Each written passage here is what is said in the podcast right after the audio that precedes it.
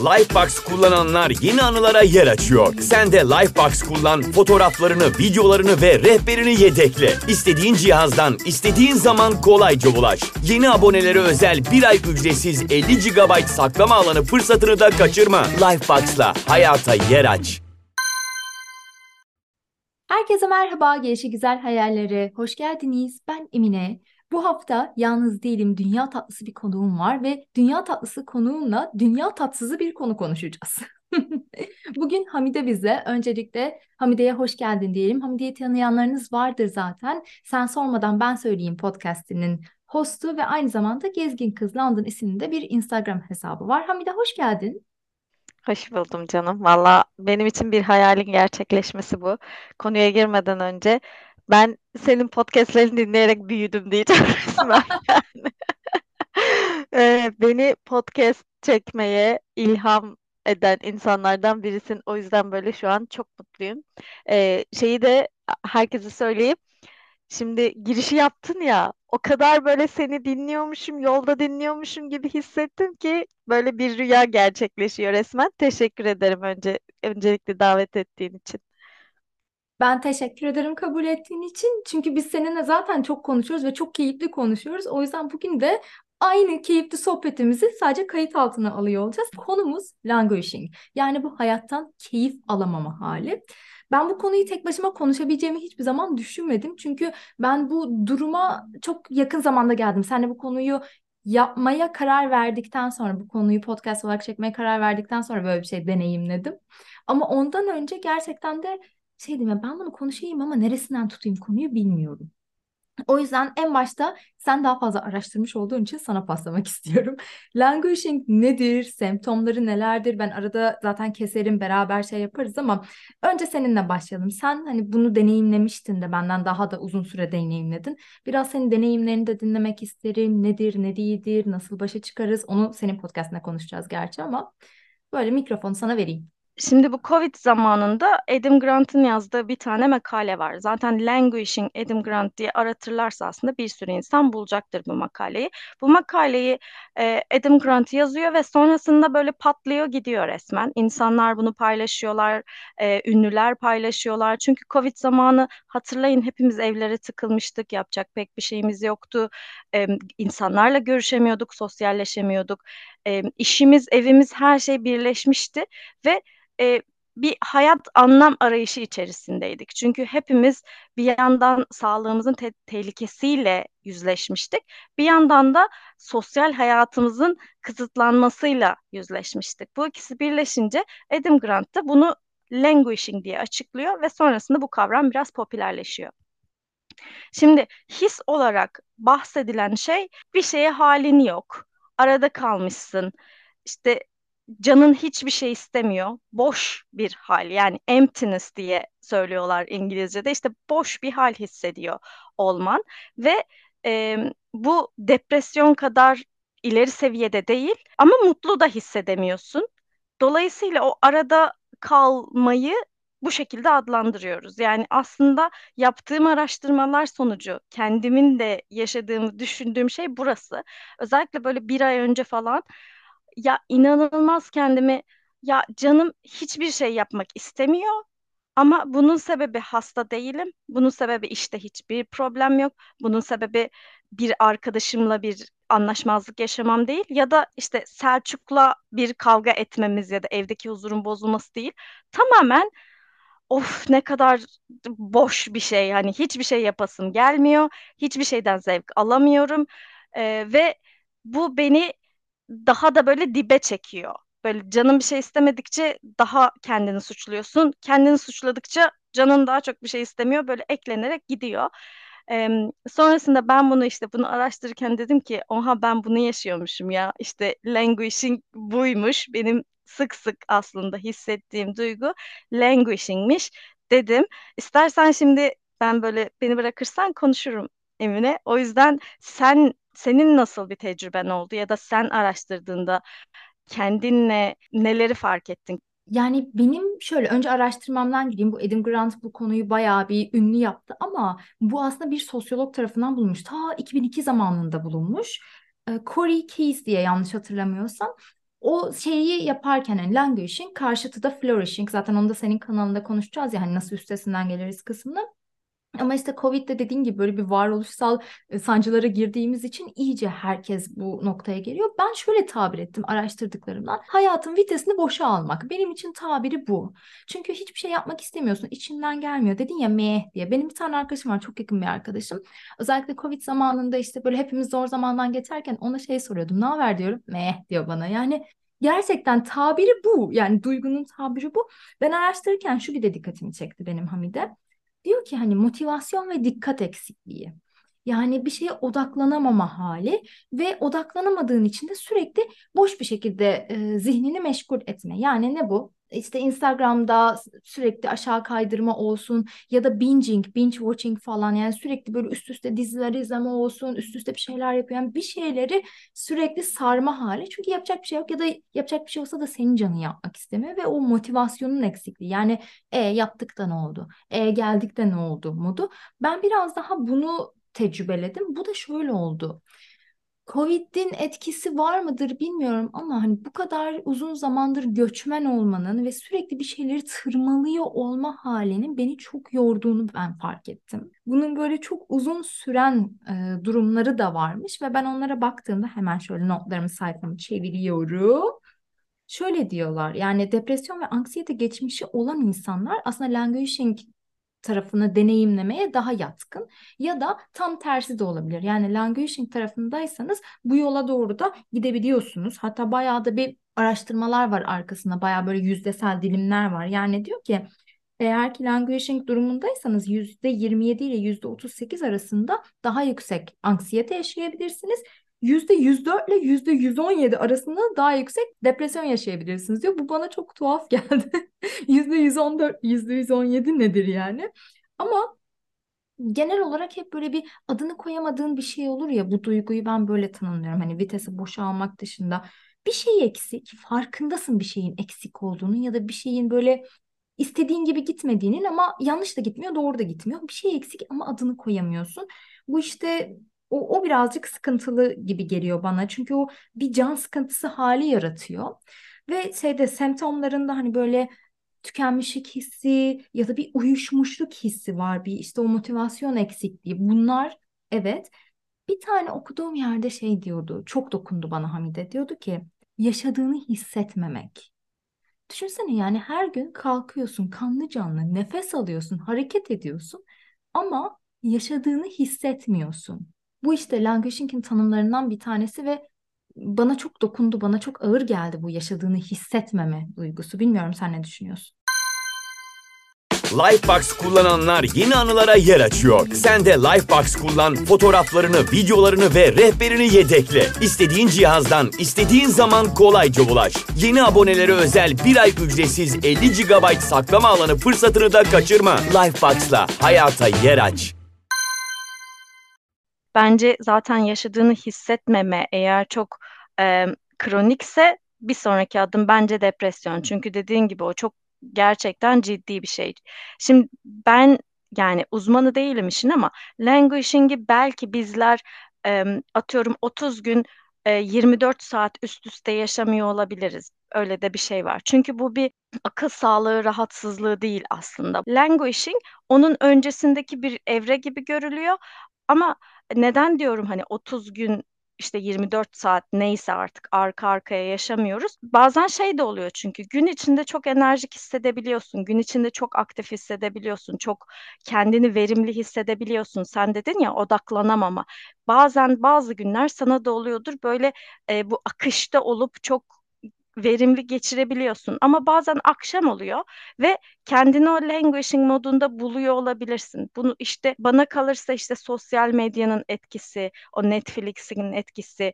Çünkü rahatlamak için çoğumuz ne yapıyoruz? İşte koltuğa yayılıyoruz. Bir elimizde telefonumu, telefonumuzu alıp işte televizyonu açıp aslında ikisi birden tüketiliyoruz.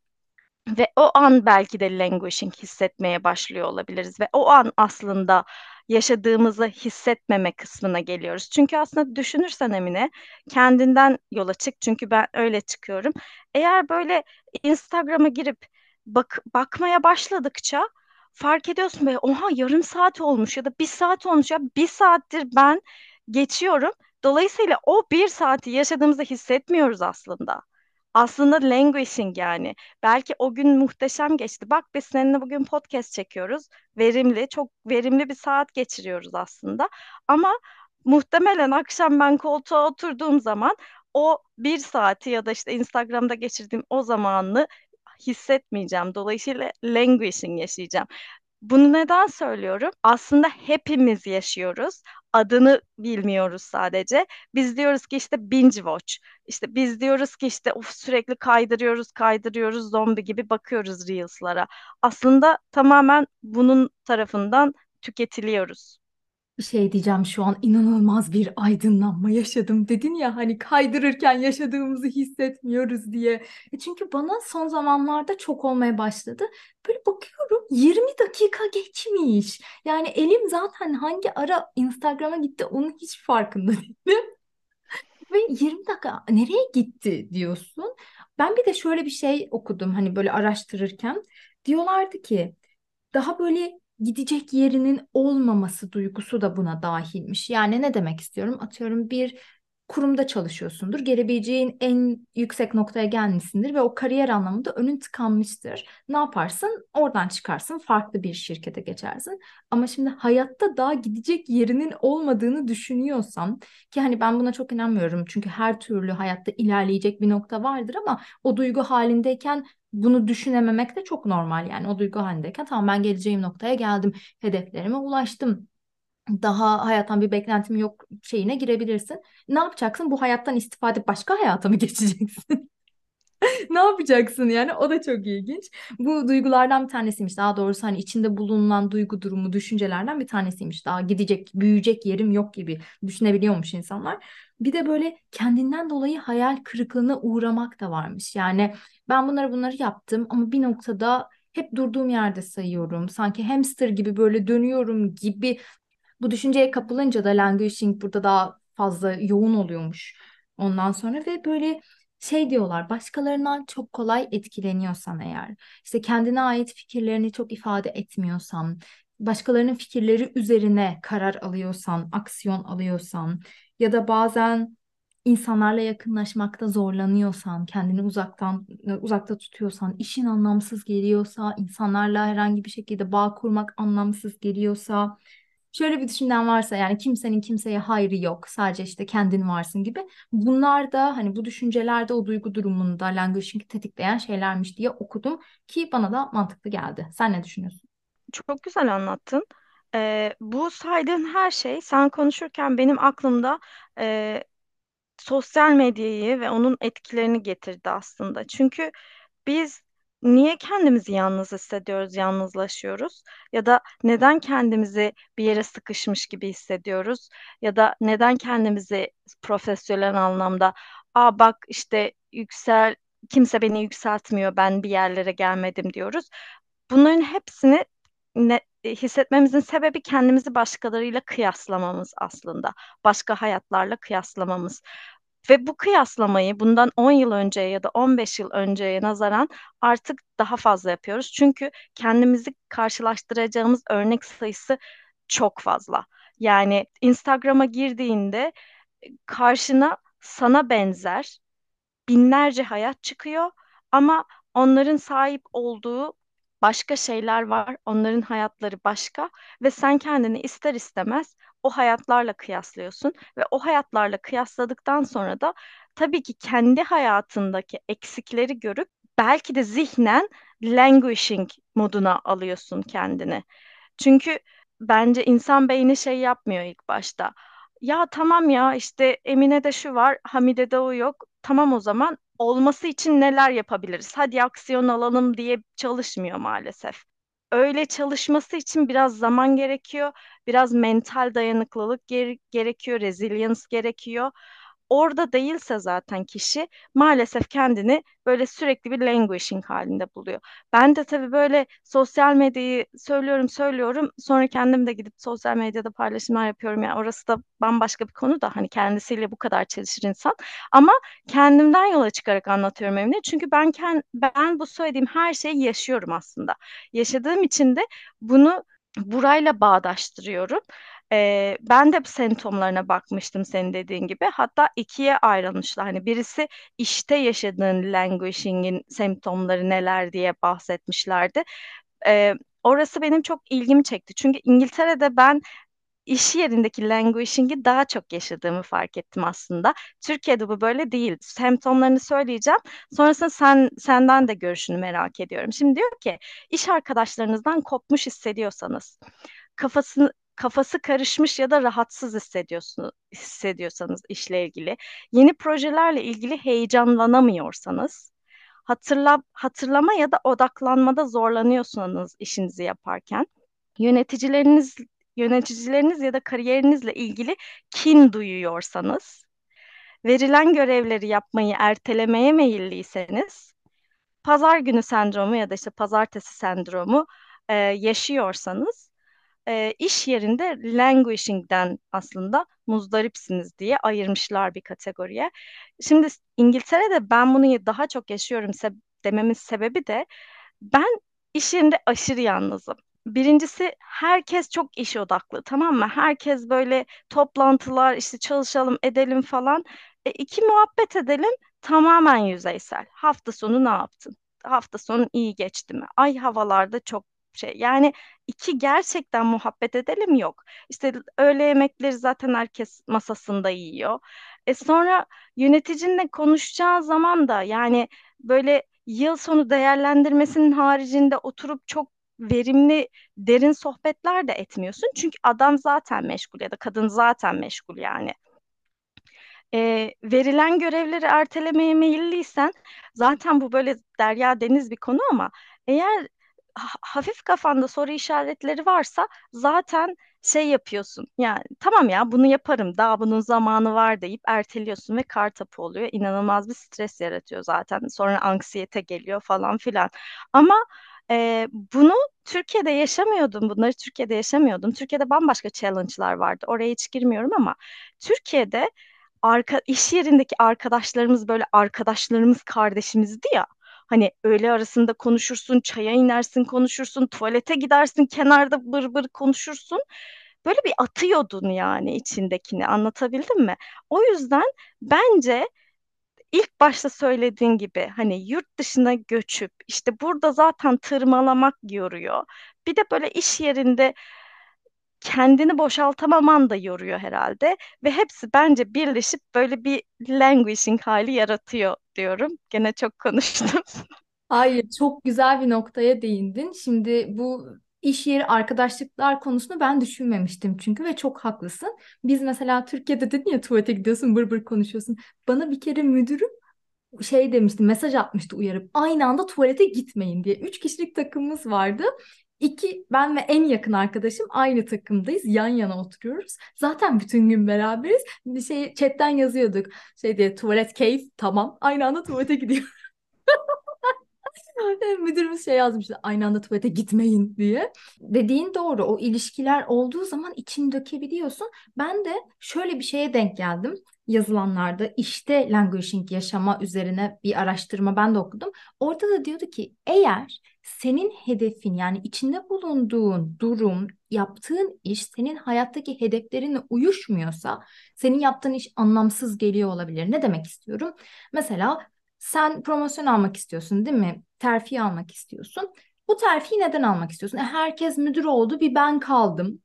Ya da ne yapacağımı bilmiyorum. Bu yüzden mi almak istiyorsun? Bu yüzden böyle bir şeyler için çabalıyorsan, tırmalıyorsan orada languishing yaşama ihtimalin daha yüksek diyor. Ama senin amacın şuysa ya ben bu terfi alınca daha fazla para kazanacağım ve kazandığım parayla aileme daha iyi bakacağım. Yani onun arkasında senin değerin aile ve ailene sağladığın o faydayla uyuşan bir değer olduğu için verilen örnek buydu. Benim tarafımda da şöyle benim çalıştığım şirkette hani ben arkadaş konusunda böyle bir şey yaşamıyorum ama daha çok böyle yöneticilikle koçluk el ele giden bir şey. Her yöneticiyi koçluk eğitiminden geçiriyorlar. Bayağı böyle kapsamlı. Eğer şöyle bir şey varsa ben yönetici olmak istiyorum çünkü insanların hayatına dokunmak istiyorum noktasında olduğu zaman yaşamazsın ama ben yönetici olmak istiyorum çünkü yönetici olmak istiyorum. Arkasında başka bir şey yok. O zaman yönetici olduğunda da languishing yaşarsın. Benim direktörüm mesela biz onunla hep böyle koşuluk seansı yapıyoruz Hamide. Ve her seferinde aydınlatıyor beni. Ben ona geçenlerde feedback verdim. Dedim ki yani çok teşekkür ederim. Gerçekten hani bana çok farklı bir kapı açtın e, sorularınla, düşüncelerinle. O da ki ben bu işi bu yüzden seviyorum. Şimdi bu kadının languaging yaşama ihtimali çok az. Diyor ki çünkü insanların hayatına dokunmayı seviyorum ve bunu işimde yapabiliyorum. Anlatabiliyor muyum? Birazcık uzattım. Ben de bu sefer çok konuştum. Bu iş tarafındaki yani senin hayattaki değerlerinle yapmak istediğin şeylerle yaptığın iş uymadığında ya da dediğin gibi sosyal hayvanlar olduğumuz için şey yapamadığımızda o ilişkiyi kuramadığımızda bağ kuramadığımızda haklı olarak o anlamsız tatsız geliyor. E peki hayat dedin o ne olacak? Ya hayatta da aslında çok bahsettik oradan buradan ama madde madde özetlersek eğer saydıklarımı yaşıyorsa insan languishing ruh hali içindedir e, diyor uzmanlar. Boşlukta ya da var, varoluşsal bir krizdeymiş gibi hissetme. Hasta olmamanıza rağmen kendinizi kötü hissetme. Hislerinizi açıklayamama. Dört gözle besleyecek, bekleyecek bir şeyiniz yok gibi hissetme bir krizin içindeymişiz gibi hissetme. O varoluşsal kriz aslında. Ben burada en çok dört gözle bekleyecek bir şeyiniz yok gibi hissetme kısmına çok takıldım. Çünkü üzün, üzücü geldi. Sen dedin ya hani yaşam, yaşamıyormuş gibi hissetmek. Onun kadar üzücü geldi bana. Çünkü bence herkesin hayatında dört gözle bekleyecek bir şeyler olmalı. Ve bu şeyden bahsetmiyorum. İşte üç ay sonra Amerika'ya gideceğiz gibi büyük bir şeyden bahsetmiyorum. İşte yarın seninle buluşacağım ya. Ben bunu dört gözle bekliyorum. Kadar küçük bir şey olmalı bence. Ben insanlar bazen bu bunu sen çok podcastlerinde anlatıyorsun. Bu mükemmeliyetçilik konusuna çok değiniyorsun. Bununla biraz alakalı bence. Biz kendimize öyle hedefler, öyle dört gözle beklenecek hayaller koyuyoruz ki şeyde yani Everest'in tepesinde.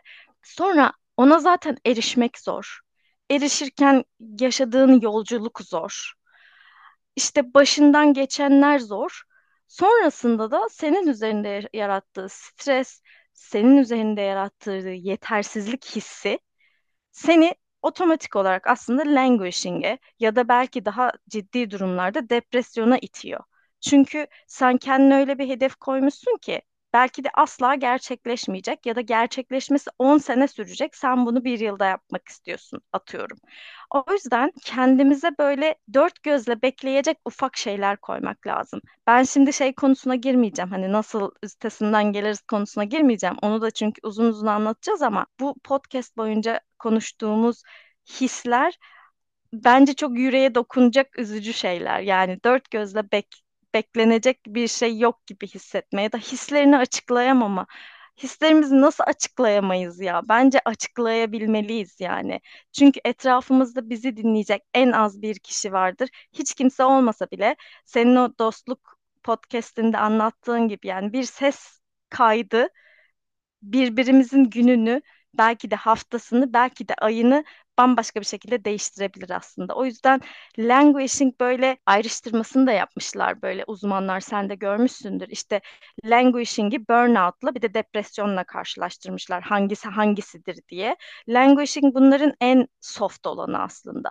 Yani biz aslında burada farkına varabilirsek durumun kontrol altına almamız çok kolay olur. Ama çoğu zaman işte ne yaşadığımızı açıklayamıyoruz ki işte languishing bu. Ya işte bir bir sıkıntı var. Benim canım bir şey istemiyor ama yani ne olduğunu da bilmiyorum.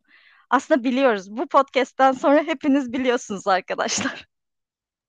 Şimdi iki tane şeye refer edeceğim. Bir tanesi benim geçtiğimiz sezondan bir tane bölümüm vardı. Duygulara yer açabilmek diye. Hani o duygular üzerine duygunu nasıl tanımlarsın, nasıl ifade edersin vesaire. Orada onu anlatmıştım. Bu bölümden sonra onu dinlemek isteyenler oraya da bakabilir. Duygusal zekada onu takip eden bölümü. Çünkü ben şeyi düşünüyorum bazen. Şimdi benim işim bu. Ben sertifikalı mindfulness eğitmeni ve profesyonel koçum düşün. Bazen biri bana duygumu sorduğunda belki de benim de bu işlerin içinde olmamın sebebi bu. Bunlardan bu kadar fayda görmemin sebebi bu. Çünkü kendimi bulma yolculuğumda zaten bunlardan fayda gördüğüm için ya ben bundan fayda gördüm size de hani başkalarına da fayda sağlayayım mantığıyla yaklaşıyorum. Çünkü zaten anda kalabilen bir insan mindfulness'la uğraşmaz anladın mı? O yüzden geçen işte kardeşimle konuşuyorduk bana ki abla nasıl hissediyorsun? Şey dedim bilmiyorum ve şu an nasıl hissettiğimi bilmiyorum açıklayamıyorum. Sonra dedim ki Kızım senin işin bu ya. Sen millete bunu öğretiyorsun ve sen açıklayamıyorsun. Sonra bir sakin ol. Yani niye kendine bu kadar kötü davranıyorsun? Arada o da olur. Yani illa bunu yapacaksın diye bir şey yok. Terzi arada kendi sökünü dikemiyor yani. Ne yapacaksın? Sonra oturdum dedim ki tamam hadi bakalım geri dön. Ama şey dedin ya bir de dört göze bekleyecek bir şeyin olmaması. Oraya bir geri dönmek istiyorum kapatmadan önce. Neden biliyor musun Hamide? Covid'in böyle en yoğun zamanlarıydı böyle şeyde kapanmalar başlamıştı ya. Bir gün bana o zaman ben de eski şirketimde çalışıyordum. Bir tane takımdan bir müdür ulaştı. Dedi ki benim takımımda birisi var çok zor durumda. Hani sen koçluk yapıyorsun biliyorum. Senin destek olabileceğini düşünüyorum. Dedim ki bu kadar zor durumdaysa ben doğru insan olmayabilirim. O yüzden hani belki biraz daha bir mental sağlık profesyoneline yönlendirsen. Yok yok alıyor hani dedi şeyde terapi de alıyor dedi. Psikiyatrla da görüşüyor ama dedi hani bu hedef koyma biraz daha bir şeyler yapma konusunda seninle de görüşsün istiyorum olur mu dedi. Tamam dedim. Sonra biz görüşmeye başladık. Bana ilk söylediği şey buydu. Dedim ki ne hissediyorsun? Dört gözle bekleyecek hiçbir şeyim yok Emine. Bu yüzden de hayattan hiçbir keyif alamıyorum demişti. Senin bu az önce bahsettiğin verdiğin örnek bana onu hatırlattı. O zaman tabii bilmiyorduk languaging diye bir şeyin var olduğunu. Daha doğrusu varmış da hani bu kadar popüler olmamıştı. Dediğim gibi hepimizin bence yaşadığı bir duygu. İsmine languishing de diyebiliriz. İşte Türkçe başka bir şey işte kuvvetsiz kalma, mecalsiz kalma, e, isteksiz kalma, nasıl na, ne demek istiyorsak işte baygın, ruhsuz ya da senin dediğin gibi vitesi boşa almış da diyebiliriz. Ama bir şeyin üzerinden gelmenin ilk adımı o sorun ne olursa olsun fark etmek. Sonrasında bir sonraki adım işte konuşacağız zaten. Eğer böyle hissediyorsanız nasıl üzerinden geleceğiz diyelim. Ama bence güzel bir fikir verdik. Ne olduğu hakkında örnekler vererek de güzel açıkladık. Senin hayatından, benim hayatımdan, iş hayatından, özel hayattan. Bence şeyi hatırlamakta da fayda var Hamide. Yani bu da çok insani bir duygu. Ben bunu bölümlerimde çok söylüyorum son zamanlarda belki ama bir şeyin farkında olmak okey ama onu kabullenmek de. Çünkü onu kabullenmezsen de değiştiremezsin ki. O yüzden yalnız olmadığını bilmek de önemli. Emin olun yani hepimiz dönem dönem aynı şeyleri yaşıyoruz. En yakınımızdakiler yaşıyor ve her şeyin bir şekilde çözümü olduğunu da inanıyorum ben. Hani çok polyanlacı bir yerden yaklaşmıyorum ki zaten bundan sonraki solo bölümüm umut üzerine. o, o, orada da biraz daha detay vereceğim. Seninle bunun çözümü olan flourishing üzerine konuştuğumuzda da detay vereceğiz ama Bence onun farkında olmak ya da etrafınızda böyle birisi varsa onun farkında olup o kişiye el uzatmak da önemli. Çünkü dedik ya bunun sonrası depresyon diye. Yani o raddeye gelmeden çevrenizde eğer birisinin bu durumda olduğunu, gidişatını az çok anlayabiliyorsanız ona böyle bir bir şekilde yardım eli uzatmak, sohbet etmek ya da bir şekilde bir şeyler ayarlamak, gözünü açmak, destek olmak bence çok önemli. Arkadaşlıklar arasında da hani çevre arasında da deyip yavaş yavaş kapatalım ama tuhaf da geldi. Çünkü ben bu kanalda sürekli bir şeyden bahsediyorum, tecrübemden bahsediyorum ve çözümü bu diyorum ya. Bu sefer çözüm sunmadık. Çözüm Hamide'nin kanalında. Şimdi tuhaf geldi, kapatamıyorum. Uzattıkça uzatıyorum. Evet yani seni daha bıraksam Flourishing'i de anlatacaksın. O yüzden bırakmıyorum. Ee, bir sonraki bölümde de Emine'nin Umut podcast'ini dinlersiniz. Sonrasında da Flourishing'i dinleyip bomba gibi bir yeni yıla girersiniz diye umuyorum. Yatırım tavsiyesi değildir. Böyle altından kalkamayacağımız sözler verme Hamide. Doğru. Evet, o zaman çok teşekkür ederim Hamide. Bugün bana konuk olduğun için, bu güzel sohbetinle bu bölüme eşlik ettiğin için. Bir sonraki bölümde Hamide'nin Sen Sormadan Ben Söyleyeyim kanalında görüşmek üzere diyorum. Kendinize çok iyi bakın, hoşçakalın, kendinizi sevin, iyi davranın. Bay bay. Lifebox kullananlar yeni anılara yer açıyor. Sen de Lifebox kullan, fotoğraflarını, videolarını ve rehberini yedekle. İstediğin cihazdan, istediğin zaman kolayca ulaş. Yeni abonelere özel bir ay ücretsiz 50 GB saklama alanı fırsatını da kaçırma. Lifebox'la hayata yer aç.